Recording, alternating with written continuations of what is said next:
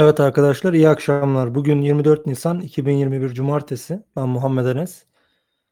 Bu akşam da Halid Abdurrahman ile birlikte 18-24 Nisan arası genel gündemi değerlendireceğiz. Halid abi hoş geldin. Hoş bulduk. İyi akşamlar herkese.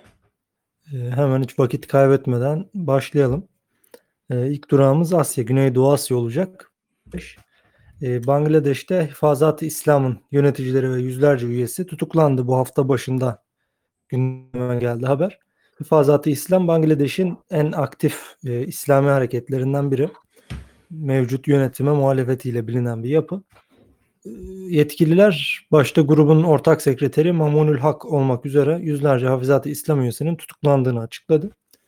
Bu grup e, senin de bildiğin üzere Hindistan Başbakanı Modi'nin ziyareti sonrası protesto gösterileri düzenlemiş ve birçok e, grup üyesi hayatını kaybetmişti. E, durum Bangladeş'i biraz daha geldi. Bu konuda yorumların neler senin? Bu o Güneydoğu Asya'da farklı gelişmeler oldu gerçekten. Eee, bu Bangladeş'te olsun, işte geçtiğimiz haftalarda emm, diğer eee, Myanmar taraflarında ve emm, Pakistan'da da aynı şekilde farklı gelişmeler oldu. Bu Bangladeş'teki Hifazat-ı İslam'a İslam'ın yöneticilerine yönelik eee, tutuklanma bu aslında çok şey bir haber, spesifik bir haber yani. Bunu bölgeyi takip edenler eee, bu ayrıntılara hakim olmak isterlerse eğer eee, haberi okuyabilirler yani. Haberin içerisinde farklı detaylar var. Emm, bu Ben de linki yani paylaştım gruba dair. Nasıl? Anlayamadım. Gruba dair bir yazı e, paylaşmıştık. Onun linkini Hı chat grubunda paylaştım. A, oradan okuyabilirler. Ya bu bölge Bangladeş, Pakistan, Myanmar bu taraflar biraz daha böyle eee, farklı gelişmelere gebe olan bir bölge aslında son dönemde. Özellikle eee, bu Pakistan'da çok ciddi gelişmeler yaşandı. Türk medyasında pek gündem olmadı ancak halen daha tam olarak eee, şey böyle tam olarak emm, o anlaşma aslında sağlanabilmiş değil. Her an farklı gelişmeleri görmemiz mümkün bu bölge özelinde. Evet, Pakistan konusunda da zaten ilerleyen dakikalarda geçeceğiz. Ekleyeceğin bir şeyin yoksa ben diğer durağımız olan Çad'a geçeceğim. Yok, geçebiliriz. Eee, Çad'da bu hafta başında yine eee, silahlı muhaliflerin başkente ilerlediğine dair raporlar çıktı.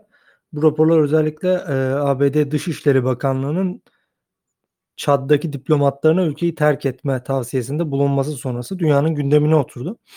Bu Çad'daki muhalifler bildiğin gibi senin de Libya'nın güneyini merkez edinmiş durumda ve Çad'ın kuzeyinde ciddi saldırılar zaman zaman gerçekleştiriyorlardı. Bunların başkente ilerlediği daha sonra da püskürtürdükleri rapor edildi. Çad'da bir seçim vardı. Bu seçim nedeniyle bir gerilim olmuştu. Seçimin 12 Nisan 11 Nisan'daki pardon seçimin sonuçları da yine 20 Nisan günü 20 Nisan Salı günü açıklandı. Takriben 30 senedir ülkeyi yöneten İdris Debi'nin seçimleri kazandığı, ezici bir üstünlükle kazandığı haberi düşmüştü ki bir iki saat sonra İdris Debi'nin çatışmalarda öldüğü bilgisi medyaya yansıdı. Hakikaten şaşırtıcı bir gelişmeydi. Senle de olayı sıcağı sıcağı konuşmuştuk. Bu konuda senin yorumlarını ben merak ediyorum. Evet, bu Çad'daki emm, Çad'ın kuzeyinde, işte o Libya'nın güneyinde olan bölgede yaşanan çatışmaların akabinde böyle ülke gerilimli bir hava içerisinde seçime gitti. Sonra işte İdris Debi'nin eee, seçimi kazandığı açıklandı. Bir gün geçti geçmedi üzerinden çatışmalarda öldüğü haberi geldi. Gerçekten çok enteresandı. İlk başta kimse inanmadı AFP haberi geçene kadar.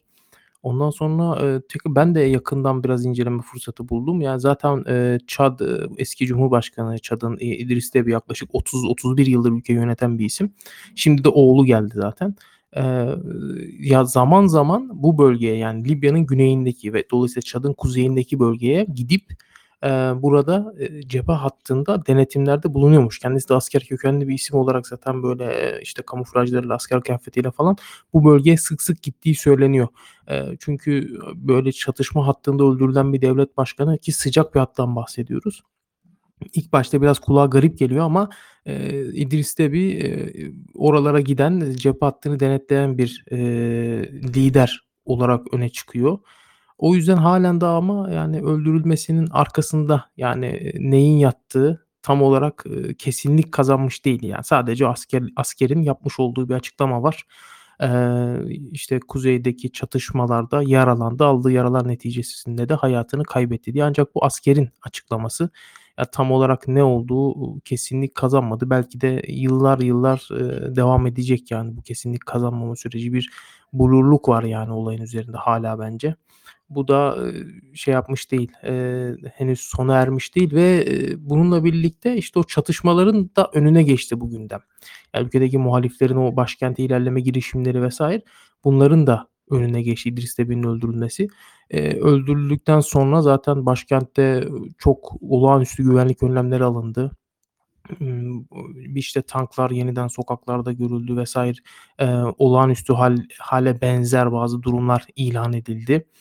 Eee, hâlen daha bu gerilimli süreç, eee, ülkede devam ediyor. İşte, Amerika dedi biz ülkenin, eee, tekrar yeniden böyle yumuşak bir geçiş sürecini tamamlamasını bekliyoruz falan gibisinden açıklamalar yaptı. Hâlâ durulmuş değil ama Çad. Yani oldukça sıcak bir bölge. Gelecek dönemde burası da zaten Afrika'dan hep bahsediyoruz geleceğe yönelik, hani, eee, küresel çatışmanın yeni durağı diye. Bu da mümkün, eee, ilerleyen günlerde Çad'la ilgili veya diğer bölge ülkeleriyle Lib Libya ile olsun, Sudan vs. bunlarla ilgili farklı gelişmeleri duyabiliriz yani. Aynen öyle. Şu notu da eklemekte ben fayda görüyorum. Çad'ın özellikle Batı Afrika'da ve Orta Asya'da batılı güçlerin, eee, yerel müttefikleri arasında en güçlülerinden olduğunu, özellikle kuvvetli bir ordusuyla, geniş kapasitedeki ordusuyla bu potansiyele sahip olduğunu eklemek gerek ve Tabii. Çad, Fransa, Mali'ye yönelik müdahaleye bulunduğu zaman sen de Tabii. hatırlarsın, eee, en aktif katılımcıydı Fransa'nın müdahalesine. Tabii, yani hâlen hâlen şeyler, emm, eee, Burkina'da, eee, varlık Burkina'da herhâlde, ııı, yanlış hatırlamıyorsam geçtiğimiz günler öyle bir malumatlar okumuştum da, eee, bazı sivil katliamlarına karıştıklarına yönelik Çad güçlerinin, emm, Afrika'nın farklı bölgelerinde, eee, güvenlik güçleri sevkiyatı yapıyor Çad. Yani evet, dediğin gibi askeri bakımdan diğer bölge ülkelerine göre iyi, düzenli deni diyebileceğimiz bir ordusu var yani. Aynen öyle. Afrika'daki bir dura diğer durağımıza geçiyoruz o zaman ekleyeceğin bir şey yoksa. Somali. Eee, Somali'de senin de bildiğin gibi uzun süredir yaklaşık bu yılın başından beri devam eden bir siyasi kriz var. Eee, Somali'nin mevcut devlet başkanı Muhammed Abdullah Muhammed yani Farmajo olarak bilinen Muhammed Abdullah Muhammed, eee, bildiğin üzere görevi bırakmamakta direniyor şubat ayından beri. Eee, burada bir seçim yapılması gerekirken seçimin yapılamaması ve uzlaşı görüşmeleri söz konusu. Hâlen bu kriz açıl aşılmış değil. Somali bu hafta ortasında şu haberle gündeme Mogadishu'nun başkent Mogadishu'nun emniyet müdürü, polis müdürü görevden alındı. Ancak bu polis müdürü, eee, nasıl diyelim, sürece biraz direndi. Kendi polis, eee, kendi pardon evinin çevresinde bariyerler kurdurdu. Kendine sadık güçlerle Mogadishu'da, eee, adeta bir savaş ağası gibi bir güç alanı kendine kurdu. Başka insanların da bunun gibi başka, eee, üst düzey isimlerin de Somali'nin farklı kesimlerinde, farklı bölgelerinde benzer hamlelerde bulunduğu rapor ediliyor. Eee, Somali'de seçim krizinin bir iç savaşa doğru yeniden, eee, sürüklediği, eee, ülkeyi konuşuluyor. Esasında Somali'de zaten devam eden bir iç savaş var. Hepimizin malumu olduğu üzere ama bu iç savaş içinde bir iç savaş gibi bir duruma sebebiyet verecek diye konuşuluyor. Bu süreç içerisinde bir diğer haber de görevi bırakmamakta direnen Farmajo'nun ABD'deki lobi faaliyetlerine $150.000 harcaması. Eee, bugün yine, eee, medyaya yansıyan haberler var. Farmajo, ABD'deki bir şirkete kendisi adına ve kendisine destek verilmesi adına, eee, $150.000 ödediği, eee, ifade ediliyor. Bu ABD'nin raporlarına da yansıdı, ABD Adalet Bakanlığı'nın. Senin bu konuda yorumun neler? Ya, bence süreci gayet iyi özetledin. Yani Somali'deki siyasi krizin bir iç savaşa dönüşme ihtimalini, emm, ve, eee, görevi bırakmayı reddeden Farmajo'nun ABD'yi ikna çabalarında lobi faaliyetleri yürütmek için $150.000 para harcadığı, ya, bunlar, yani Somali'den bahsediyoruz nihayetinde ve, gerek Somali gerek, böyle çatışmaların olduğu ülkelere şöyle bir, eee, uzaktan baktığın zaman ilk dikkatini çeken şey bu zaten. Yani koltuklarına yapışmış yöneticileri görüyorsun. Koltuklarını terk etmek istemeyen yöneticileri görüyorsun ve sen de söyledin, ülkede gerçekten bir iç savaş zaten var. Yani ya zaten istikrarsa istikrarsız bir Somali'den bahsediyoruz. Emm, yani Şabab'ın elinde geniş kontrol alanları var. Eee, Mogadishu hükümetinden belki de daha fazla yeri kontrol ediyor Şebap bugün Somali'de. Buna rağmen ülkesindeki, eee, iktidarı, eee, yani, nasıl diyeyim, iktidarı sağlamakla uğraşmak yerine, eee, git işte, eee, tekrar koltuğunda kalmak için, işte, $150.000 para harcamaları, yani, çok çok şey geliyor bana böyle ya. Yani, çatışma gündeminin dışında söylüyorum. Bu tür siyasi isimlerin, liderlerin bu koltuklarında kalmak için, eee, gösterdikleri çaba böyle çok, yani, ekstrem bir şey, yani. Anlatabiliyor muyum? Ya, ülkenin Evet. içerisinde bulunduğu durum ortada. Yani, $150.000 para harcamış. Yani, Somali'yi bugün ayakta tutan şey dış yardımlar, yani. Bugün askeriyesi önemli ölçüde başta Türkiye olmak üzere Katar, Amerika Birleşik Devletleri ve bazı batılı ülkelerin, eee, yardım etmesiyle, eee, ayakta duruyor. Siyasi olarak da bir sürü destek alıyorlar etraftan. Yani, buna rağmen hâlâ birileri koltuğunda durmak için, eee, şey yapıyor ya, ımm, çalışmalar çok çok enteresan gerçekten. Ya, bel o $150.000'ları belki daha iyi işler için harcayabilirdi Somali'de. Tabii, yani, burada bunu da ben araştırdım bu haberi okuduktan sonra. Somali'de acaba kişi başına düşen milli gelir filan ne kadar? Hı Ya, hı, hı hı. 1990'dan beri buna dair net bir araştırma dahi yapılmamış. Öyle bir durumda Tabii. Somali, yani. E, Buna rağmen sadece $150.000 yani, kulağa böyle az geliyor olabilir biz daha fazla rakamları duymaya alıştığımız için ama, Hı ya, hı. Somali için, Tabii. eee, bölge ülke için çok ciddi bir miktar, yani. Tabii, tabii. Aynen $150.000 Türkiye için bir rakam değil, yani. Biz, eee, Türkiye'de olduğumuz için söylüyorum. Hani, baktığın zaman $150.000 çok az bir rakam gibi geliyor. Hani, en az diyorsun bunun milyon dolar olması lazım ama öyle değil tabii ki. Eee, bir de şey var zaten sadece bu Somali'deki bu devlet başkanına, eee, Farmajo'ya, eee, ait olan bir şey değil, yani. Somali'de zaten bir pazar oluşmuş durumda. Yani, ç taraflar, eee, bu tarz çatışma bölgelerinde çatışmaları sonlandırmamak için de aslında elinden geleni yaparlar. Bunu ben hep söylüyorum. Hani, çünkü o çatışma sahasında artık bir rant oluşmuştur. Yani, bir, eee, mevcut statükonun devam etmesi gerekir. O rantı sağlayanların, ranttan gelir elde edenlerin, eee, bu çarkı döndürebilmesi için.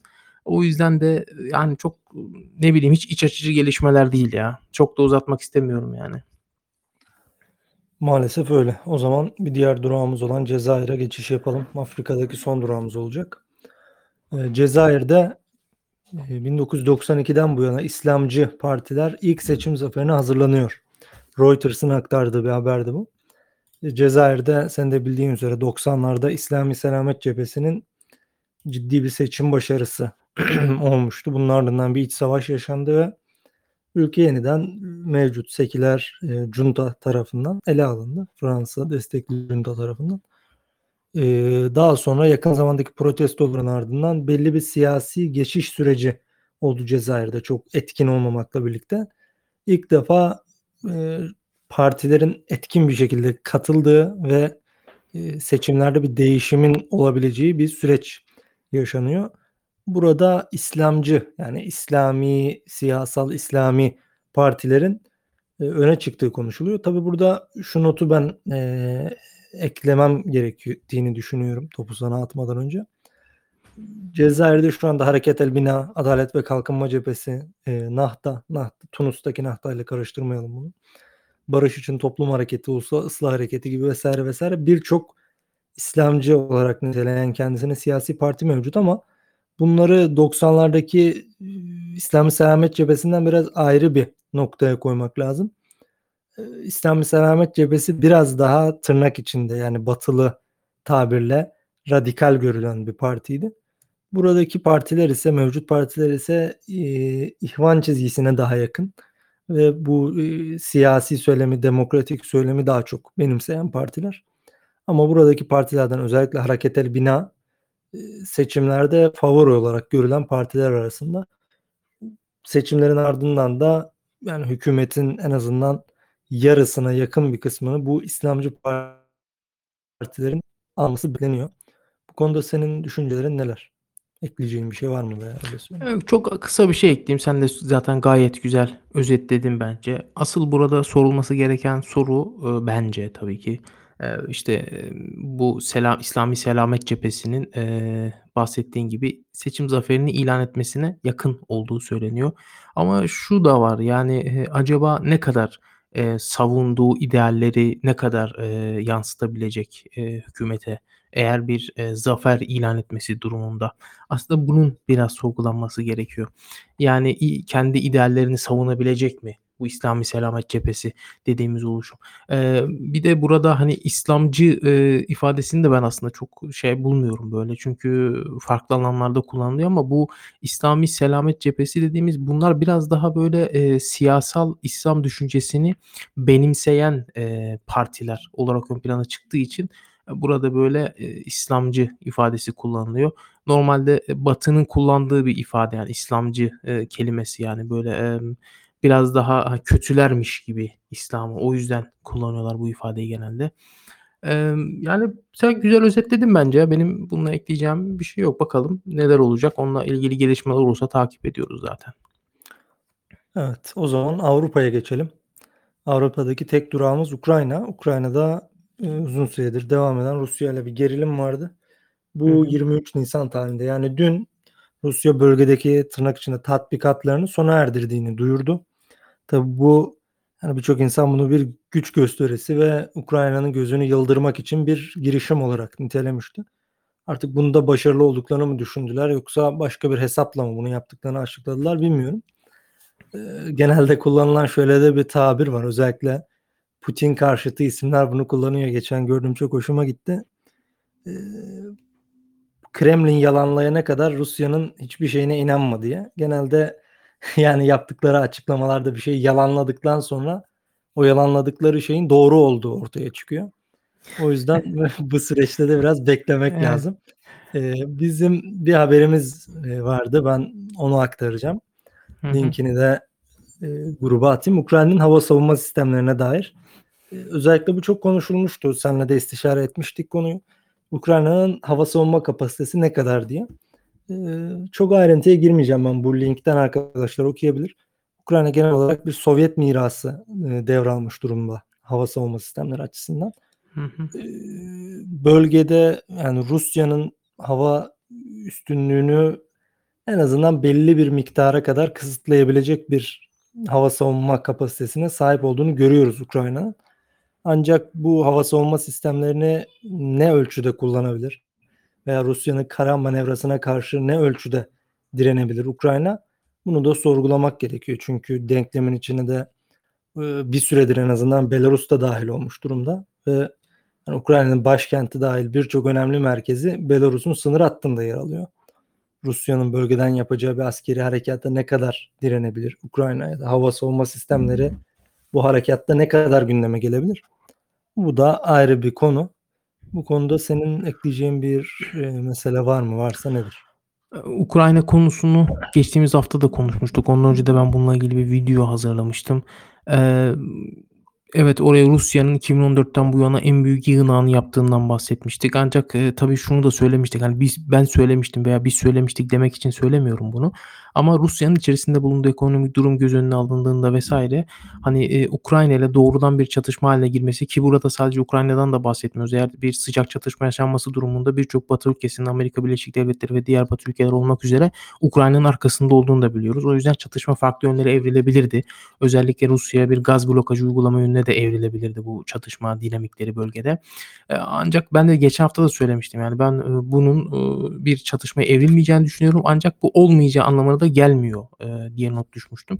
İşte son Kırım'daki bazı kuvvetlerini geri çektiği, açıklandı Rusya'nın. Ukrayna sınırındaki bazı kuvvetlerini geri çektiği açıklandı. Onlar da kendi çaplarında işte tatbikatı bitirdiklerini söylüyorlar. E, tabii ki burada, eee, sen, eee, şeyi söyledin. Ukrayna ile Rusya'nın çatışmaya girmesi durumunda ne olur hani? Eee, onu biraz ifade etmeye çalıştın. Evet, ya şimdi tabii ki Ukrayna'nın zaten Sovyet'ten Sovyetler Birliği'nden miras kalmış bir hava savunma sisteminden bahsettik. Bu tabii Rusya ile kıyaslanamaz. Yani, eee, Ukrayna askeri sistem olarak Rusya'ya bak Rusya'yla karşılaştırdığımızda biraz daha gayrinizami harp şeklinin uygulandığı bir ülkeye benziyor. Yani, tam olarak, hani Rusya, eee, Rusya'yla kıyaslanması bile pek uygun olmaz aslında.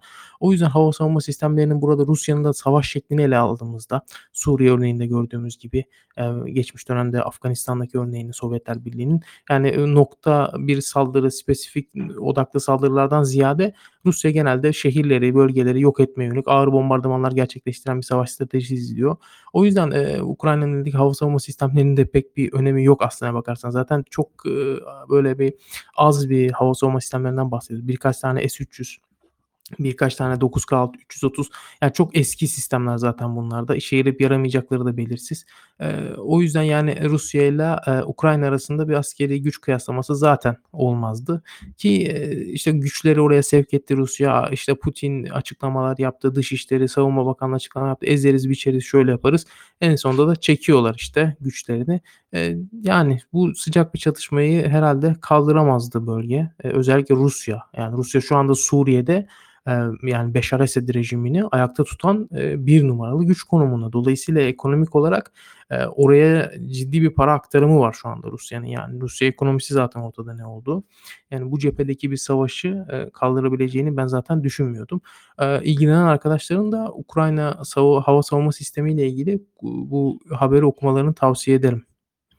Bunu çünkü ben biz hazırlamıştık. Ben bununla ilgili ayrıntılı güncel bilgiyi bulamamıştım, eee, Türkçe kaynaklarda. Evet. Bu ik 2001 yılının, eee, 2001 yılında yayınlanan bir raporun, 2021. eee, rakamları bunlar. Evet, güncel bir rakam yani bu savunma sistemleriyle ilgili olan. Aynen öyle. Ya bu bunun şey yapıldığı rapor ciddi bir kurumun raporu. O yüzden yani senin dediğin gibi Türkçe'de maalesef yoktu. Ya Türkçe sadece şunu tartışıyorlardı. Çatışma çıkar mı çıkmaz mı? Çıkar mı çıkmaz mı? Ya hep bu vardı. YouTube'a bakıyordum, eee, haber programı hep bu ya. Hep bunu soruyorlar. Çatışma ya çatışma çıksa ne olacak? Yani ne bekliyorsunuz? Yani Amerika Birleşik Devletleri'nin de aslına bakarsan burada Ukrayna arkasında durmasının sebebi geçtiğimiz yayında da söylemiştim. Burada, eee, Ukrayna'yı çok sevdiği için onun yanında durmuyordu. Yani Ukrayna üzerinden biraz daha Çin'i hedef alma yönünde bazı şeyleri vardı. Eee, ne bileyim, eee, bakalım neler olacak ilerleyen dönemde. Aynen öyle. Orta Doğu'ya uzanalım. İlk haberimiz yine Suriye'den. Geçen hafta da ironik bir haberle Suriye'ye değinmiştik.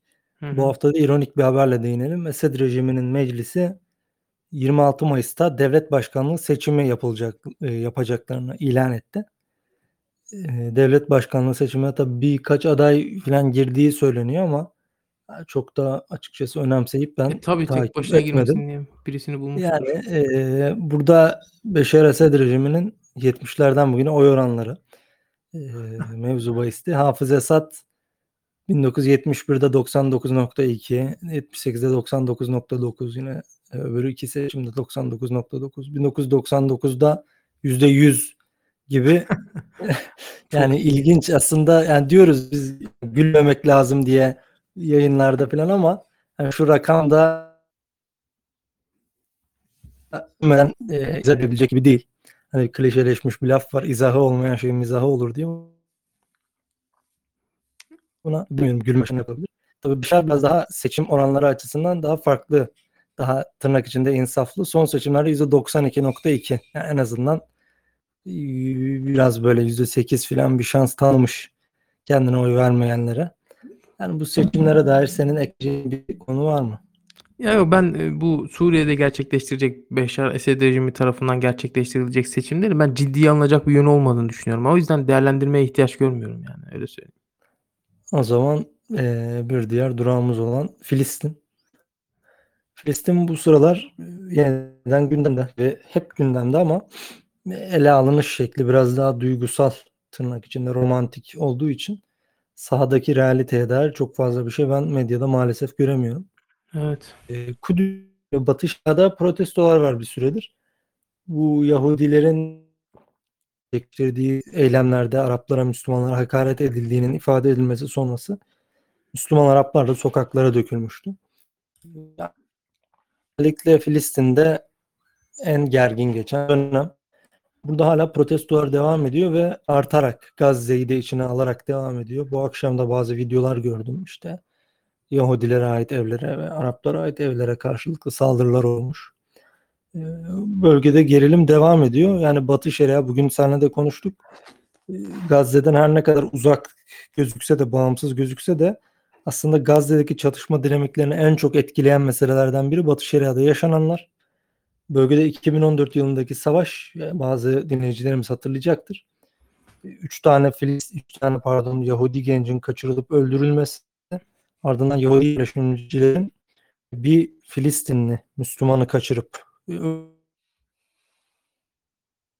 Hatta yani bu ayrıntıyı alacak olanlar vardır. Bu Filistinli gence e, benzin içirip, mazot içirip, mazot değil pardon, benzin içirip üstüne benzin döküp yakmışlardı. Bu e, işte Gazze'den roketler atılmasına ve daha geniş çaplı bir savaşa yol açmıştı. Yine bugün, e, dün akşam pardon, protestoların, Kudüs'teki olayların ardından Gazze'deki silahlı gruplar 36 tane roket fırlattı İsrail'e. Roket saldırılarının büyük kısmını Filistin Halk Kurtuluş Cephesi'nin askeri kanadı Ebu Ali Mustafa Tugayları gerçekleştirdi. İsrail'de karşılık olarak Hamas'a ait olduğunu belirttiği birçok merkezi vurdu Gazze'de. Bu ayrıntılara tek tek değiniyorum.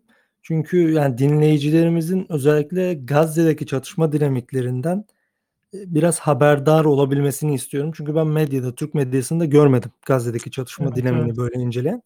Şunu söyleyelim arkadaşlar. Gazze'den hangi grup atarsa atsın yani ister daha böyle başka örgütlerle, IŞİD'le, El-Kaide ile işte Selefi gruplarla özdeşleştirilen yapılar atmış olsun, ister sol yapılar atmış olsun, ister İran destekli yapılar atmış olsun füzeleri. İsrail'in temel olarak vurduğu grup Hamas. Hamas'ın e, askeri kanadı İzzettin El-Kassam Tugayları. Bazen de İran destekli Seraya Kudüs'ü vuruyorlar ama genel olarak angajmanı Hamas üzerinden uyguluyorlar. Hamas da buna karşılık e, genel kararın aksine kendi başına roket atan gruplara yaptırım uyguluyor. İşte üyelerini tutukluyor vesaire. Bölgede böyle bir çatışma dinamiği var. Ee, sen neler söyleyeceksin bu konuyla ilgili? Yo bence gayet güzel özetledin ya bölgedeki durumu. Bende biraz bu bölgeye dair şey var ya gerçekten Mahmut Abbas geçtiğimiz gün e, hani bir videosu çıkmıştı çok meşhur sövüyordu böyle gerçekten ciddi anlamda eğer ona aitse video tabii ki yani küfür ediyordu Amerika e, Amerika'ya Çin'e, Amerika, Çin'e. Rusya, Evet. Ya bu, bu Araplara dahi bölgenin yani. Ara- evet yani ya bölge o kadar bezmiş durumda ki bu durumdan yani düşünsene sen e, roket atıyorsun mesela e, Yahudi yerleşimlerine Gazze'den. İşte orada Hamas geliyor seni tutukluyor öbür grubu tutukluyor İsrail geliyor Hamas'ı vuruyor. Yani o kadar büyük bir karışıklık var ki kim kime dumduma yani. Yani böyle bu ne olacak? Gerçekten ben de bilmiyorum. Yani bu Yahudilerin oradaki radikal Yahudilerin Müslümanların evlerine gerçekleştirdiği baskınlar bundan sonra Müslümanların Yahudilerin evlerine yönelik gerçekleştirdiği baskınlar saldırılar.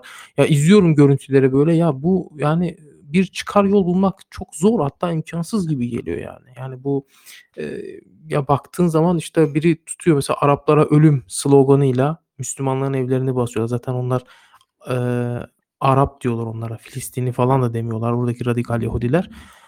Yani bilmiyorum ya nasıl olacak. E, sen bu gayet güzel özetledin bence. Bölgeyi yakından da takip ediyorsun özellikle Filistin tarafını.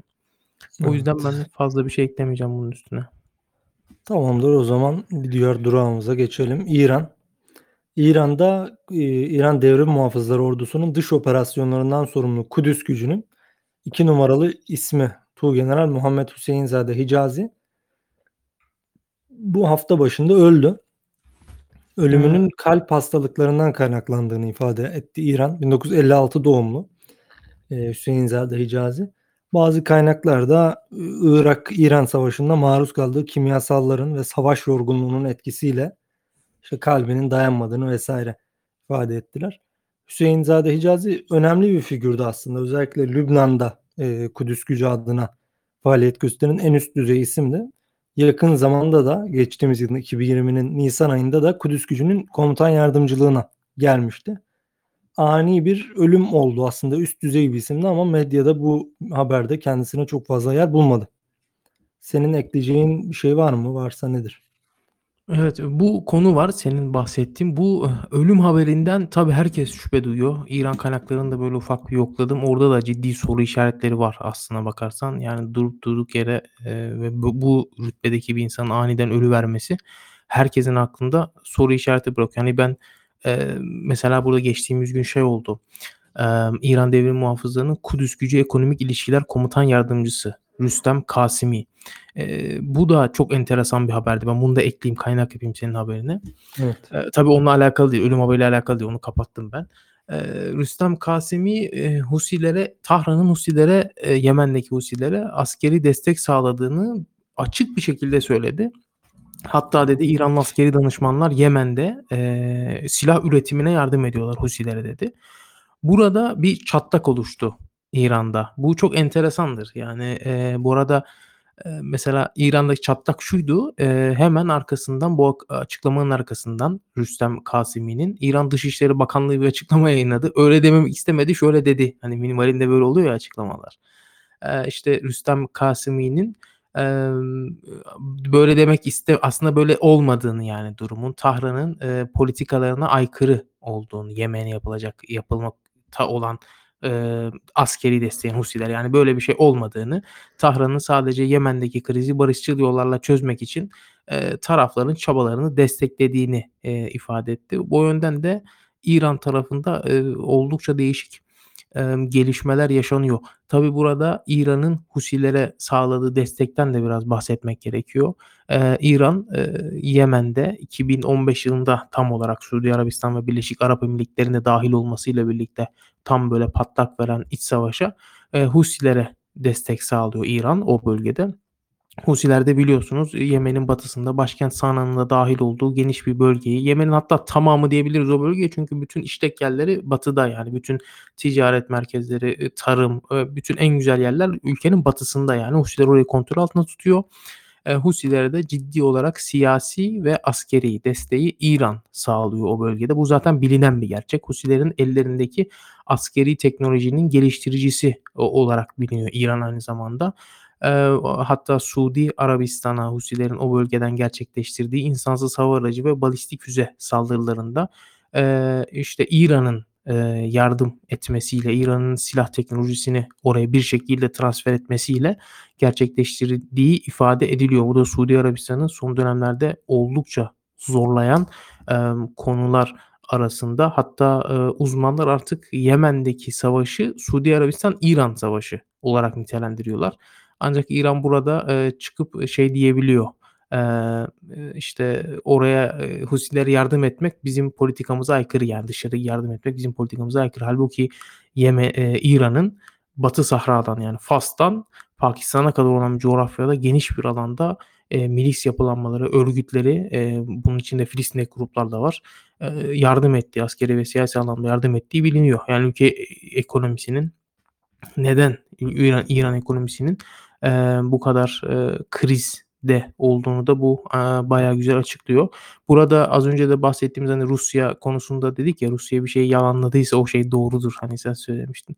Eee, burada aslında İran için de böyle bir şey geçerli. Yani İran'ın bu, eee, tam olarak aslında yalan siyaseti diyorum ben buna. Eee, Rusya da bunu çok kullanıyor. Yani Rusya'nın açıklamaları kesinlikle güvenilir kabul edilmiyor. Yani öyle söyleyeyim. İran'ınki de hakeza.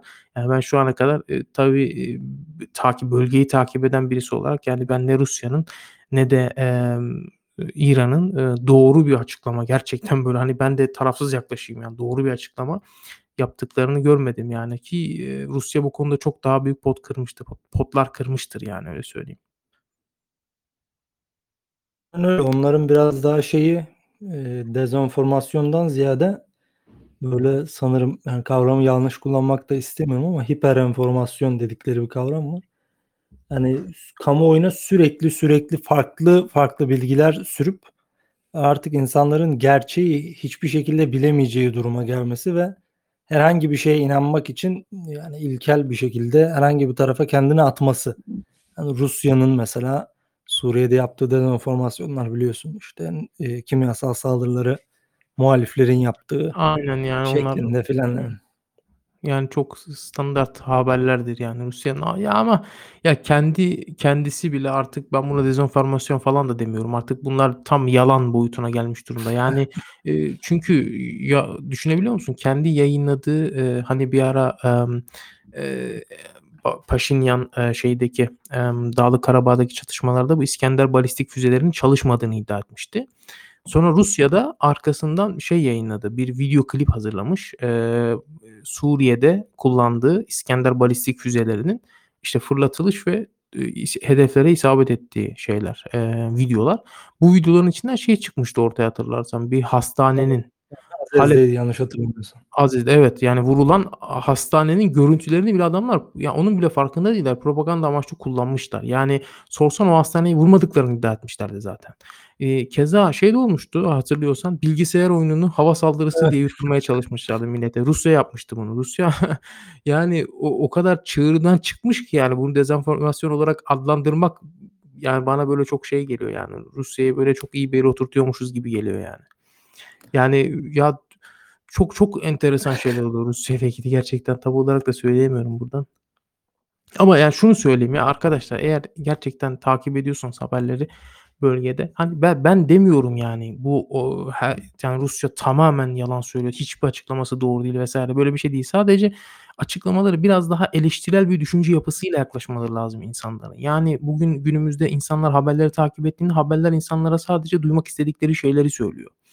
Yani bu Rusya için de böyle, İran için de böyle, Türkiye için de böyle, herkes için böyle. Yani her her o yüzden, eee, farklı kaynaklardan haber takibi yapıp bunları bir süzgeçten geçirmek gerekiyor. O, işte, eleştirel düşünce yapısıyla bir süzgeçten geçirmek gerekiyor. Yani duyduğumuz her şeye, "A, evet bak bu böyleymiş." diye değil de biraz daha eleştirel yaklaşmak gerekiyor. Neden, niçin, ne zaman? Bu gibi soruları sormak gerekiyor. Hani bunları sorduğunuz zaman aslında gerçekten diyorsunuz ki, "A, ya gerçekten neler dönüyormuş." Hani, eee, bunun farkına varılabiliyor yani. Özellikle bizim zaten dünyanın bütün üçkağıdı, hani, tam olarak söyleyeyim, bu bizim bölgede dönüyor yani. Bu, A, Türkiye'nin de maalesef. içinde olduğu bu coğrafyada dönüyor gerçekten. Ya, diğer yerler zaten gündemlerinden çıkarmışlar. Bugün bir İskandinav ülkesi, bir Amerika, işte, bir Avrupa ülkeleri hadi Avrupa'da gene 3-5 saldırılar oluyor falan ama diğer Batı ülkeleri bu çatışmaları falan gündeminden çıkarmışlar. O insanların farklı bir gündemi var yani. Farklı bir şey. Adam, işte, kibritten bot yapmaya çalışıyor. Atıyorum yani. Adam böyle artık adamın farklı bir şeyi var yani. Adam ne Ha, bileyim canı sıkılıyor. sen şey yani peynirlere klasik müzik filan Ha dinletiyorlar ha, bir aynen, şey aynen. yazmıştın. Peynirlere daha lezzetli oluyormuş peynirler. Klasik adamların çünkü böyle bir gündemi yok ki. Hani İbn Haldun demiş ya coğrafya kaderdir diye. Hani, eee, yani gerçekten adam orada, eee, tamamen bütün çatışmayı Afrika'ya, Asya'ya, işte, eee, Güney Asya'ya, Orta Doğu dedikleri bölgeye, eee, kaydırmışlar. Onlar o şekilde orada gün kendi gündemlerini yani günlerini gün ediyorlar hani orada. Adamların bir gündemi yok. Yani öyle. Bu konu uzar gider. Biz diğer gündemimize geçelim. Bizde malum gündem bitmiyor onların aksine. Tabii bizde şey var, Pakistan. eee, neydi ya? Eee, neyse sen devam et. Diğer durağımız Pakistan. Eee, Pakistan'da geçen hafta da işlemiştik. Tahrikiyle gösterileri devam ediyordu. Ben burada ayrıntısına tekrar girmeyeceğim geçen hafta da işlediğimiz için. Eee, burada bu hafta gösterilerde bu uzlaşı alındı. Protestoların sona erdirilmesi karşılığında Tahrik-i-Lebeyk'in eee, mensuplarının terör listelerinden çıkarılması ve Fransa Büyükelçisi'nin sınır dışı edilmesiyle ilgili parlamentoya karar tasarısı sunulmasıyla eee, konu tatlıya bağlandı tırnak içinde. Protestolar sona erdirildi. Ama bu eee, nasıl diyelim hani şimdilik protestolar sona ermiş olsa da en azından şu görülmüş oldu. Tahrik-i Lebbeyk günden güne e, artan bir şekilde bir oyuncu haline geliyor Pakistan'da. Belki de yakın geleceği ilgilendiren en önemli oyuncu haline geliyor. Bu konuda sen daha yakından takip ettin. Ekleyeceğin bir şeyler var mı? Varsa neler? Bu şeyden bahsediyorduk. Tahrik-i Böyle Lebbeyk'ten 40 mi? dakikaya yarışmayız. Aynen öyle Tahrik-i Lebbeyk'ten. Ya Tahriki ile hükümet arasında ha, başta da bahsetmiştim yani bir uzlaşı sağlandığından bahsediliyor ama ya bu o bölgede de yani malum coğrafya olduğu için eee, şey olabilir. Her an her şey olabilir. Yani bir anda mesela o gösteriler patlak vermişti. Gerçi çok inanılmaz bir şekilde ben o, o gösterilere rağmen yani polisler rehin alındı göstericiler tarafından. Üst rütbeli polisler rehin alındı. Ben Türk medyasında haber görememiştim. Gerçekten çok şaşırmıştım. Hatta, eee, ö öyle bir noktaya geliyor ki ya acaba hani biz, eee, şey yapsak mı? Yani böyle yazsak başımıza bir iş gelir mi? Hani o kadar bir sessizlik var yani memlekette medya bakımından. Ya şu anda biraz daha dinmiş durumda Pakistan'daki gösteriler ama Pakistan, eee, özellikle bu konularda, eee, İslami hassasiyetleri çok üst düzey olan bir, eee, ülke. Halkı daha doğrusu öyle söyleyeyim. Eee, ve bu gösterilerin Tahrik-i Lebbeyk'in sokağa dökülmesindeki asıl neden de zaten Fransa'daki bu karikatür kriziydi zat eee, biliyorsun. Eee, bu göstericiler, Evet. eee, daha doğrusu Tahrik-i Lebbeyk'in lideri Fransız Büyükelçisi'nin sınır dışı edilmesini talep etmişti. Talep eee, bu talep kabul edilmezse sokağa döküleceklerini söylemişlerdi. Nitekim öyle de oldu. Tahrik-i Lebbeyk'in zaten, eee, lideri gözaltına alındı. Ondan sonra taraftarlar da sokağa döküldü ve ciddi gösteriler oldu Pakistan'da. Yani göstericilere para dağıtan askerleri gördüm dağılmaları için. Öyle söyleyeyim sana. Ya o kadar ciddi Şunu şunu da ben ekleyeyim müsaadenle. Eee, Hadim Hüseyin Rizvi bu grubun kurucu lideriydi. Hı hı. Geçtiğimiz aylarda aniden öldü. Nedeni bilinmeyen bir şekilde. Ölmeden kısa bir süre Gözaltına önce değil bu arada hani karışıklık olmasın evet, evet, evet. Gözaltına alınan şu anda onun oğlu, yeni lideri grubun. Bu, ııı, ölen Hadim Hüseyin Rizvi'nin yani bu Tahrik-i Lebbek'in kurucu liderinin bir açıklaması olmuştu ölmeden bir süre önce. Yani Pakistan'ın nükleeri var. Peygamberin şerefi için, ııı, Fransa'ya nükleer atalım tarzı bir çıkış yapmıştı. Bayağı konuşulmuştu. Yani, eee, ilginç bir çıkıştı aslında komik gelse de. Eee, bunun ardından kısa bir süre sonra durup dururken öldüğü, eee, şaibeli bir şekilde öldüğü haberleri çıktı. Bu da yani bu meselenin ilginç bir boyutu aslına bakarsan. Ya, evet. Yani öldü. Belki yıllar sonra bir kitapta, bir raporda, bir yerde neden öldüğünü bir haberde duyacağız. Tıpkı o İran'daki generalin, eee, ölüm haberi gibi yani. Çok şüpheli ölümler tabii. Aynen öyle. Yine Pakistan için de başka bir olay. Eee, ekleyeceğin başka bir şey yoksa bu konuya dair. Yok, yok. Eee, Pakistan Talibanı, Belucistan'ın merkezi olan Quetta şehrinde Pakistanlı yetkililerin de bulunduğu bir otele bombalı saldırı gerçekleştirdi. Saldırı sırasında Çin'in Pakistan büyükelçisi de otelde konaklıyordu ama o an otelde olmadığı ifade edildi. Bu saldırı, eee, 2020'de özellikle gücünü yeniden toplamaya başlayan grubun, ııı, şimdiye kadar yani bu gücünü yeniden toplama sürecinde gerçekleştirdiği en üst düzey profilli saldırı olarak kayda geçti. Senin ekleyeceklerin neler konuya dair? Evet, çok kısa ben de TTP ile ilgili, Pakistan Talibanı denilen yapıyla ilgili çok kısa bahsedecek olursak senin dediğin gibi 2019'dan bu yana grup ciddi bir toparlanma süreci içerisine girmiş gibi görünüyor. Eee, birleşmeler oldu. Daha önceden daha ayrıklardı, parça parçalardı. Şu anda tekrardan bir birleşme içerisindeler. Eee, yeni liderlerini seçtiler vs. ve şu anda da gerçekten o dönemden bu yana ilk defa bu derece bir, nasıl diyeyim, eee, çok özel bir saldırı olarak da nitelendirebiliriz bunu. Bomba yüklü araçla gerçekleştirmişler. O otelin otoparkına yakın bir yerde patlatıldığı da söyleniyor. Otoparkta patlatıldığı da söyleniyor. Net olarak biraz gizliyorlar haberleri. Ben de çok iyi malumata ulaşamadım bu konuyla ilgili. Ama, eee, spesifik bir saldırı olduğu kesin. Eee, bu da senin söylediğin gibi, eee, Çinli bazı isimlerin orada olduğu, eee, hükümet yetkililerin, eee, TTP'nin açıklamasını da okumuştum ben. Hükümet yetkililerinin o oteli kullandığı, lüks bir otelden bahsediyoruz zaten. Eee, böyle ifadeler var. Grubun saldırıları ilerleyen dönemlerde de devam edebilir. Yani geçmiş geçtiğimiz yıllarda çokça isminden söz ettirmişti bu grup. Eee, ancak şu anda farklı bir profil çizmeye çalışıyorlar sanki. Ya, böyle daha nokta saldırılar gerçekleştiriyorlar filan. Biraz daha takip etmek lazım oraları. Bana biraz daha sanki Afgan Talibanı'nı andırıyor son zamanlarda. Yani senin de bildiğin gibi Pakistan Talibanı'nın da kendine has bir, eee, yapısı vardı fikri açıdan da pratik açıdan da. Tabii Bu ya, bunu hep son karıştırıyorlar aslında. yaptıkları evet, biraz daha sanki Afgan Talibanı'nın tecrübelerinden, örnek almaya çalışıyor gibi. Mesela bir nokta, bizim eylem alanımız sadece Pakistan. Biz Pakistan dışında faaliyet göstermiyoruz Evet, minvalinde bir tabii. açıklamaları vardı. Tabii öyle ama bir dönem gerçekleştirdikleri saldırılarla çok ciddi sivil kayıpları yaşandı. Yani Tabii. bunlar da ortada. Hani, eee, o yüzden, bir de şöyle bir şey de var. Herkes şey zannediyor. Bu ismin içerisinde Taliban geçtiği için Tahrik-i Taliban Pakistan denilen yapıyla Afganistan'daki Taliban yapısının aynı olduğunu zannediyor. Aslında aynı değiller. Yani bu ben o saldırıyla ilgili mesela, eee, işte otele saldırıyla ilgili Türk medyasında bir haberde adam direkt Taliban yazmış. Yani, eee, Pakistan'da otele işte Taliban saldırı gerçek Haklı yani çünkü o haberi yazan editör haberi yoktur yani. O Taliban tamam Taliban demiş yaz gitsin. Yani böyledir ama tabii olayı biraz detaylı incelendiğinde detaylarına hâkim olan birisi, bölgeyi takip eden birisi şeyi bilir yani onun ayrı bir grup olduğunu. Eee, yani aslında farklı farklı. Bununla ilgili de biz bir dosya hazırlamıştık yani onu da okuyabilirler TTP ile ilgili merak edenler. atayım istersen. Gruba atıyorum. Bir saniye.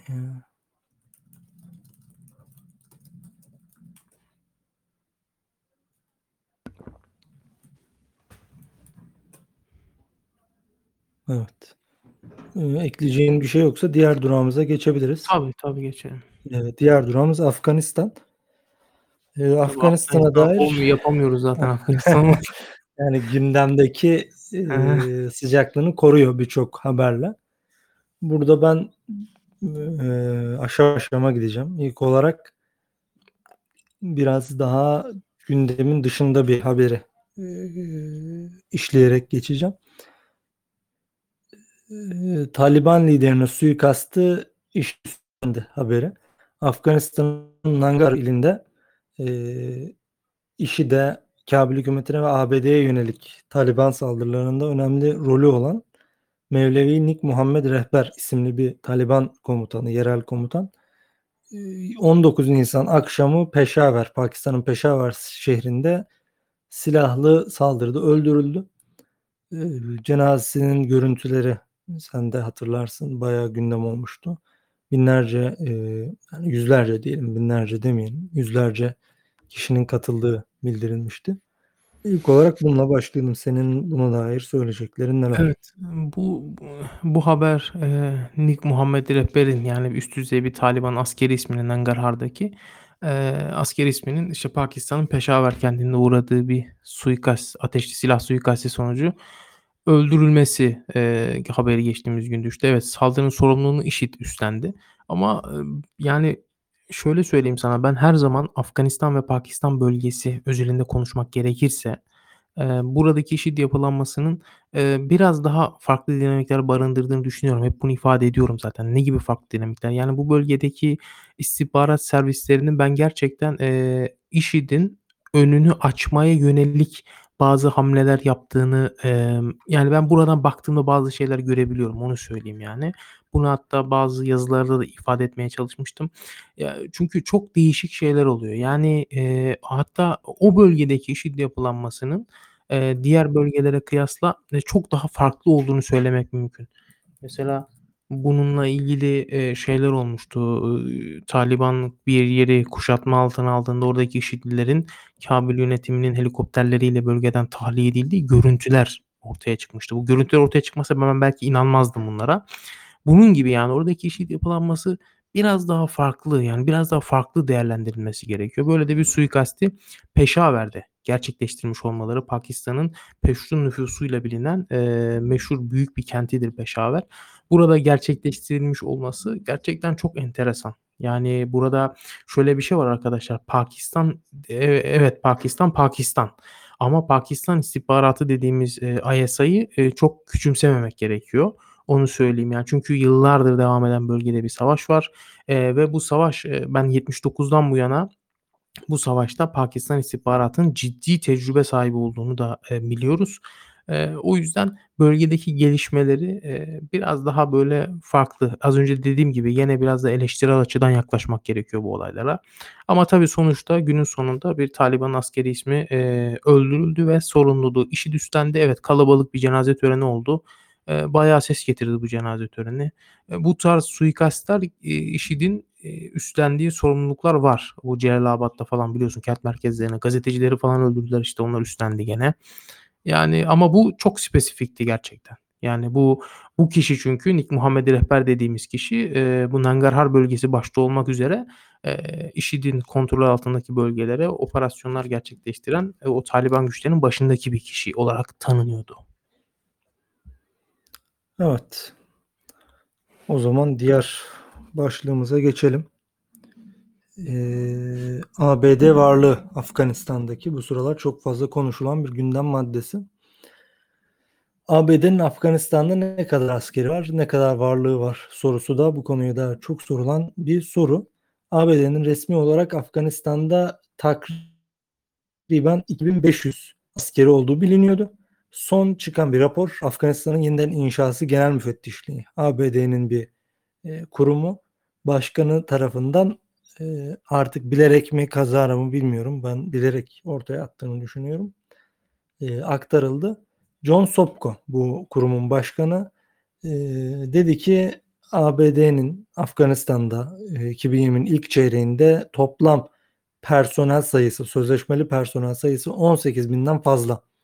Eee, bu sözleşmeli personel dedikleri peki kimi kapsıyor? Paralı askerleri bir kısmı, bir kısmı ise, eee, ABD ordusunun lojistik, eee, ekipmanların bakımı ve askerlerin eğitimi gibi alanda çalışan, eee, kişileri kapsıyor. Bununla birlikte ABD'nin Afganistan'da 20.000'den fazla askeri personeli olduğu ifade ediliyor. Eee, tabii, şununla birlikte değerlendirmek lazım bunu. ABD'nin Taliban'la yaptığı Doha Anlaşması'nı gereken 1 Mayıs tarihine 7 gün kalmış durumda. Yani sen daha da iyi değerlendireceksindir bu konuyu ama 20 gün askerin onların ekipmanlarının, teçhizatlarının vs. herhâlde 7 gün içerisinde Afganistan'dan çekilmesi gibi bir şey, eee, pek söz konusu değil. Bu da, eee, Taliban'ın, eee, saldırılarına yeniden başlayabileceği gibi bir sonucu doğuruyor. Bu konuda sen neler söyleyeceksin? Evet, böyle bir ihtimal var. Taliban'ın, eee, 1 Mayıs'a kadar, eee, çekilmemesi durumunda yeniden saldırıları başlatabileceği yönünde bir ihtimal var. Eee, ancak, eee, ben tabii burada bir parantez de açmak istiyorum. Taliban'ın şu ana kadar geçtiğimiz yayında da söylemiştim bunu. Eee, çok iyi ciddi bir ilerleme kaydedildi. O bu ilerlemeyi de, hani, boşa çıkarmamak için, belki erteleyebileceğini de düşünüyorum. Çünkü Biden artık açıklamasında da gördük. 11 Eylül'den bahsediyorlar, eee, buradan çekilme sürecini. Tabii nasıl bir çekilme olacak? Bu da çok bu ayrı bir soru işareti yani. Acaba tam olarak çekilecek mi? Tam olarak çekildi diyelim, bölge ülkelerinde üstleni üstlenilecek mi? Çünkü biliyorsun Pakistan Cumhurbaşkanı bir açıklama yaptı durup dururken. Eee, Amerika'nın burada üstlenmesine izin vermeyiz, izi Evet. istemeyiz minvalinde bir açıklama yapmıştı. Bu tabii durup dururken yapılmış bir açıklama değil aslında. Çünkü, eee, Amerika'nın bölgeden çekilirken Pakistan, Tacikistan, Özbekistan gibi ülkelerde tabii bu kuzeydeki Tacikistan ve Özbekistan'da farklı bir durumlar var. Oralarda üs kurma yasakları gibi durumlar var Amerika Birleşik Devletleri'nin. Ama da yani bunları gündeme getirdiğinden bahsetmek istiyorum. Yani Afganistan'dan çıktığı zaman bu bölgelerde üsler, eee, kalıcı üsler inşa edebilir Pakistan özellikle. Eee, ve bu üsler üzerinden, eee, işte her ne kadar Afganistan'dan çıkmış olsa da, eee, bölgede saldırılar gerçekleştirebilir, operasyonlar gerçekleştirebilir. Bu operasyonları da, eee, çok rahat bir şekilde Kabil yönetimine bağlı, aaa, ordu güçleri üzerinden perdeleyebilir. Hani, bunun çünkü geçmiş dönemde örneğini gördük yani. Çok spesifik bir operasyon gerçekleştiriyor mesela Kabil hükümeti güçleri, eee, ki bunu Amerika'yla gerçekleştiriyorlar. Çünkü kendilerinin böyle bir kapasitesi olmadığını biliyoruz. Eee, ve operasyonu, ııı, Kabil, eee, yönetimi askerleri gerçekleştirdiği olarak medyada servis ediliyor. O yüzden Amerika Birleşik Devletleri'nin çekilmesi ve çekilmesi sonrasında oluşabilecek o diğer, eee, işte bahsettiğim gibi az önce askeri üs mü kuracak, ne yapacak? Yani biz burada sadece Amerika Birleşik Devletleri çekilecek diye bahsediyoruz ama bunlar çok en ince ayrıntısına kadar detaylandırılıyor. Çünkü biliyorsun Biden'a sunulan istihbarat raporunda dahi Taliban'ın 3-5 ay içerisinde çekilmeleri durumunda Amerika'nın. Taliban'ın 3-5 ay içerisinde iktidara gelmesinden bahsediliyordu Biden'a sunulan istihbarat raporunda. O yüzden yani bunlar çok daha detaylı, eee, işlenecek konular. Ha, bir konu var net olan. O da Amerika Birleşik Devletleri'nin artık gerçekten Afganistan'dan çekileceği konusu. Ama tabii bu da işte dediğim gibi ne nasıl bir çekilme? Hani bu soru işareti var. Tabii bu konu, eee, ileride de daha fazla gündem olacak. Biz bir diğer başlığımıza geçelim. İstanbul zirvesi böyle yılan hikâyesine dönmüş durumda. Hı İstanbul'daki Afganistan zirvesi bu hafta ortasında 2'nci kez ertelendi. Eee, ertelendiği açıklandı. Çavuşoğlu, eee, Türkiye Dışişleri Bakanı Mevlüt Çavuşoğlu yaptı açıklamayı. Dedi ki, eee, Katar Bakanı ile yaptığımız ardından zirve Ramazan ayı sonrasına erteleme kararı aldık, eee, şeklinde konuştu. Ramazan ayının sonrası Mayıs'ın ortasından sonraya yani çatışmaların aslında başlamasının beklendiği tarihten sonrasına tekabül ediyor. Bu paralelde bir çağrı daha oldu Taliban'a 23 Nisan günü, bu cuma günü. Eee, Türkiye, Pakistan ve Kabil yönetimi tarafından ortak bir bildiri yayınlandı. Eee, Taliban'a, eee, şöyle bir çağrıda bulunuldu. Eee, uzlaşıya, müzakerelere bağlı kal. Eee, aykırı hareket etme diye. Eee, burada aslında yani çelişkili de bir durum oluştu. ABD'nin anlaşmaya uymamasına rağmen ben en azından görmedim. Yani herhangi bir dünya ülkesinin Katar, Doha'daki anlaşmanın imzalanma törenine iştirak eden herhangi bir tarafın, herhangi bir organizasyonun ABD'ye anlaşmaya vs. gibi bir çağrı yaptığını görmedim. Bu aslında yani uluslararası hukukta ahde vefa denilen bir kavram var. Çünkü uluslararası hukukun yaptırımları devletlerin egemenlikleriyle sınırlı. Çünkü devletler kendi içlerinde biraz bu mevzuları çözüyor. Burada ahde vefa denen bir kavram var ama e, çok da uluslararası hukukun yani işler olmadığını söylemek mümkün. Bu konuya dair senin yorumların neler? Evet, bu geçtiğimiz gün oldu bu. Türkiye, Pakistan ve Kabil yönetimi bir açıklama yayınlayarak e, Taliban'a e, anlaşmaya bağlılık çağrısı yaptı. Bu gerçekten ilginçti. E, yani bundan daha ilginci aslında gerçekleşseydi İstanbul zirvesi olacaktı. Çünkü Taliban katılmayacaktı zirveye. Yani orada savaşın, Afganistan Savaşı'nın en önemli tarafının katılmadığı bir zirve olacaktı. O da olmadı zaten ertelendi Taliban katılmayacağı için. Yani burada evet senin de dediğin gibi yani anlaşmaya uymayan taraf, anlaşmayı ihlal eden taraf e, baktığın zaman dışarıdan Amerika Birleşik Devletleri olmasına rağmen şu ana kadar her iki tarafın e, Taliban'ın da Amerika Birleşik Devletleri'ne taahhütleri yerine getirme sıralamasına baktığımızda şu anda ABD'nin bir taahhütü var. Onu yerine getirmesi gerekiyor ama getirmiyor. Buna rağmen o taahhütlerine tabii onu da söyleyeyim. İşte 1 Mayıs'a kadar çekilme olayı açık bir şekilde söylediler artık çekilmeyeceğiz diye. Yani 11 Eylül dediler. Burada anlaşma ihlal edilmiş oluyor dolayısıyla. Çünkü böyle bir madde yok anlaşmada.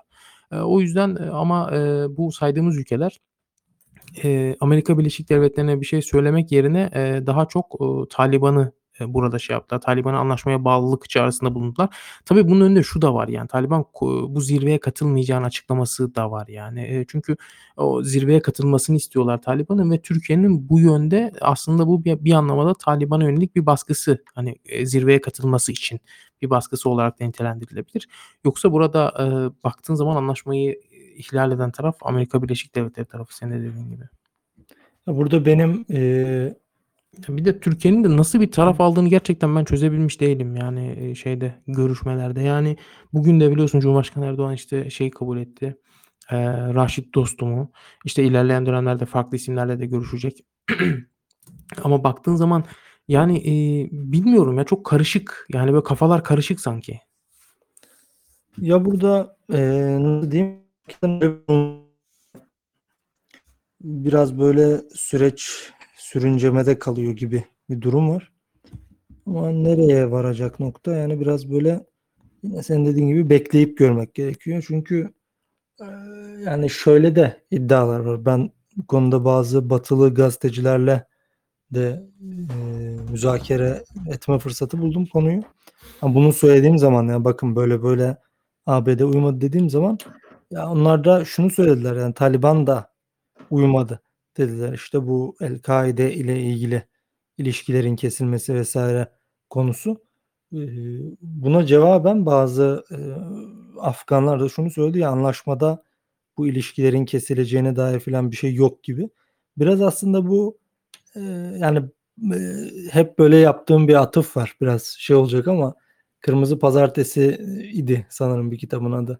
Yani kitapta bir tane San diye bir kahraman var. Herkes onun öleceğini biliyor ama kimse bu mevzuya dair bir şey yapmıyor. Biraz bu anlaşma da bana bunu çağrıştırıyor her zaman. Yani herkes bu anlaşmanın ihlal edileceğinin farkında ama yine herkes son gününe kadar bekliyor gibi bir çağrışım yapmıştı. Bana ekleyeceğim bir şey yok. Yoksa Afganistan'da son meselelere geçelim. Yok. Ee, ABD buraya bombardıman uçakları e, konuşlandırdı. B-52 bombardıman uçakları çekilirken e, ABD askerleri çekilirken ABD askerlerini korumak üzere e, ve ABD'nin Merkez Kuvvetler Komutanı General Frank McKenzie de dedi ki geri çekilme sürecinde biz kendimizi Taliban'dan korumak üzere oldukça iyi hazırlandık deyip Taliban'ı biraz da tırnak içinde tehdit etti. Yani saldırırsanız karşılığını alırsınız şeklinde. Bu meseleye dair bir ikinci önemli başlık da CIA şefinin geçtiğimiz hafta Afganistan'ı ziyaret ettiğinin ortaya çıkmasıydı. Bu planlanmamış bir ziyaretti. Bu ziyarette de CIA destekli Kabil hükümeti özel güçleri gündeme geldi. Bunlar özellikle Afganistan'ın doğusundaki Kunar, Paktiya, Host ve Nangarhar illerinin aynı zamanda başkent Kabil'in ve güneydeki Kandahar'ın çevresinde etkin durumdalar ve birçok insan hakları ihlaliyle anılıyorlar. Bu da akıllara ABD çekildikten sonra biraz kendine bağlı özellikle CIA eee, operasyonlar mı düzenleyecek gibi bir soruyu getirdi. Bu konuya dair senin yorumların neler olacak? Eee, ilk başlık neydi? B-52'lerdi değil mi? B-52'ler evet. Ha, Amerika Birleşik Devletleri. Evet, buraya Afganistan'a konuşlandırmadı ama benim bildiğim kadarıyla. Yani Tabii çevre Orta. Doğu'ya. Geçtiğimiz Büyük dönemde ihtimalle Katar'a diye tahmin ediyorum Evet, yani o. Katar ben onu söyleyecektim. Katar'dan kullanıyordu çünkü Afganistan'da gerçekleştirdiği bombardımanları Katar'a konuşlandırılmış B-2'lerle gerçekleştiriyordu. Musul operasyonlarını da Katar'a Katar üzerinden kullandılar. Eee, o yüzden, eee, B-52'leri gerçek şey yaptı, konuşlandırdı. Biraz da gözdağı veriyor dediğin gibi ki açı aaa, anlaşmada şey de var zaten. Amerika Birleşik Devletleri'nin askerleri çekilme sürecinde Taliban'ın saldırı gerçekleştirmeyeceği yönünde bir taahhütü de var. Ancak tabii ki askeri güçler, konvansiyonel ordular bunu bir söze bırakmazlar. Garantiye alırlar her zaman. O yüzden de, eee, bu şekilde B-52'lerle, eee, işte güvenlik sağlayacaklarını Tabii sadece B-52'ler de değildir. Yani birçok hava aracıyla güvenliğini sağlayacaklardır konvoyların. Ancak burada şöyle de bir parantez açmak lazım. Şu anda zaten Amerika Birleşik Devletleri ordulu, eee, askeri güçlerini yani zırhlı araçlarını en azından Karachi üzerinden Pakistan'dan yani karayoluyla çekmeye devam ediyor bir yandan da. Yani biz bunları konuşmaya devam ederken. Eee, o o yüzden bu normal, anlaşılabilir bir şey yani. 2'ncisi de CIA şefinin Afganistan'a gerçekleştirdiği sürpriz ziyaret. Eee, bu da oldukça önemliydi. Çünkü, eee, pek bilinmeyen bir konulardan bir tanesi de, eee, Türkiye'de bilinmeyen konulardan bir tanesi Afganistan'daki s eee, CIA'nin gerçekten derin varlığı. Yani, emm, çok uzun bir konu. Ama ben tabii sadece şeyden bahsedeceğim, milis güçlerden bahsedeceğim. Afganistan'ın belli bölgelerinde, senin de saydığın belli bölgelerde, eee, CIA'nin denetiminde, CIA'nin kontrolünde, eee, ve onun himayesi altında, eee, yerel güçlerden oluşan, CIA'nin eğitip donattığı güçlerden bahsediyorum. Aynı zamanda Amerika Birleşik Devletleri ordusunun hava desteği sağladığı güçler bunlar. Milis güçler var. Bunlar ülkedeki çatışma dinamiklerini diri tutmak adına özel operasyonlar gerçekleştiriyor Amerika Birleşik Devletleri'nin kontrolü altında. Daha doğrusu Amerika Birleşik Devletleri değil, CIA'nin. Yani çünkü, eee, Amerika Birleşik Devletleri de aslında kendi içerisinde parçalara bölünmüş durumda. Bunlardan bir tanesi mesela Biden yönetimi varsa bir de CIA var. Hani biraz daha, eee, Türkiye'de anlaşılabilmesi için hani derin devlet denilen bir kavram var ya, biraz daha öyle yani. Eee, Amerikan çıkarlarını, eee, savunan, onlar kendi açısından öyle söylüyorlar. Emm, CIA işte, CIA'nin desteklediği bu güçler var. Bu, eee, CIA şefinin ziyaretinde bu görüşmenin, eee, ele alın bu konunun konuşulduğu, işte bu milis güçlerin, eee, konusunun ele alındığı söyleniyor. Burada acaba tamam, eee, bir destek sağlamaya devam edecekler mi çekildikten sonra? Çünkü biliyorsun Amerika Birleşik Devletleri şey dedi, "Biz çekilsek de memurların maaşlarını ödemeye, askeri yardım yapmaya devam edeceğiz." dedi Kabil yönetimine. Kaldı ki yapmazlarsa zaten tamam demek bu artık çökmesi demek Kabil yönetiminin. Çünkü Eşref Gani'nin de kendi açıklaması var. Amerika Birleşik Devletleri çekildikten sonra biz 6 ay dayanamayız demişti. Evet. o yüzden burada, eee, CIA şefinin ziyareti oldukça önemli. Çünkü bu CIA'nin orada eğitip donattığı güçler ne olacak acaba? Bu güçler şu andaki gibi meşru olarak tırnak içerisinde görevine devam mı edecek? Yoksa, eee, Amerika çekildikten sonra CIA bunları el altından örgütlemeye mi devam edecek? Yani bunlar çok önemli şeyler. İşte hep diyoruz ya Amerika Birleşik Devletleri çekilecek ama nasıl çekilecek? Yani bu bölgede üsler kuracak, bu grupları el altından desteklemeye devam edecek belki de. Anlatabiliyor muyum? Bunlar çok çok, detaylı işlenmesi gereken dinamikler yani. Aynen öyle. Evet, eee, benim bugünlük çıkardığım gündemler var. Ekleyeceğin bir şey yoksa? Yo, benim yok. Senin de ekleyeceğin bir şey yoksa bence bitirebiliriz. Tamamdır. Benim de ekleyeceğim bir şey yok. Arkadaşlar hepinize katıldığınız için teşekkür ederiz. Eee, burada yayını sonlandırıyoruz. Haftaya görüşmek üzere. Hepinize iyi bir akşam diliyorum. Hoşça İyi akşamlar herkese. İyi akşamlar. Çok sağ olun.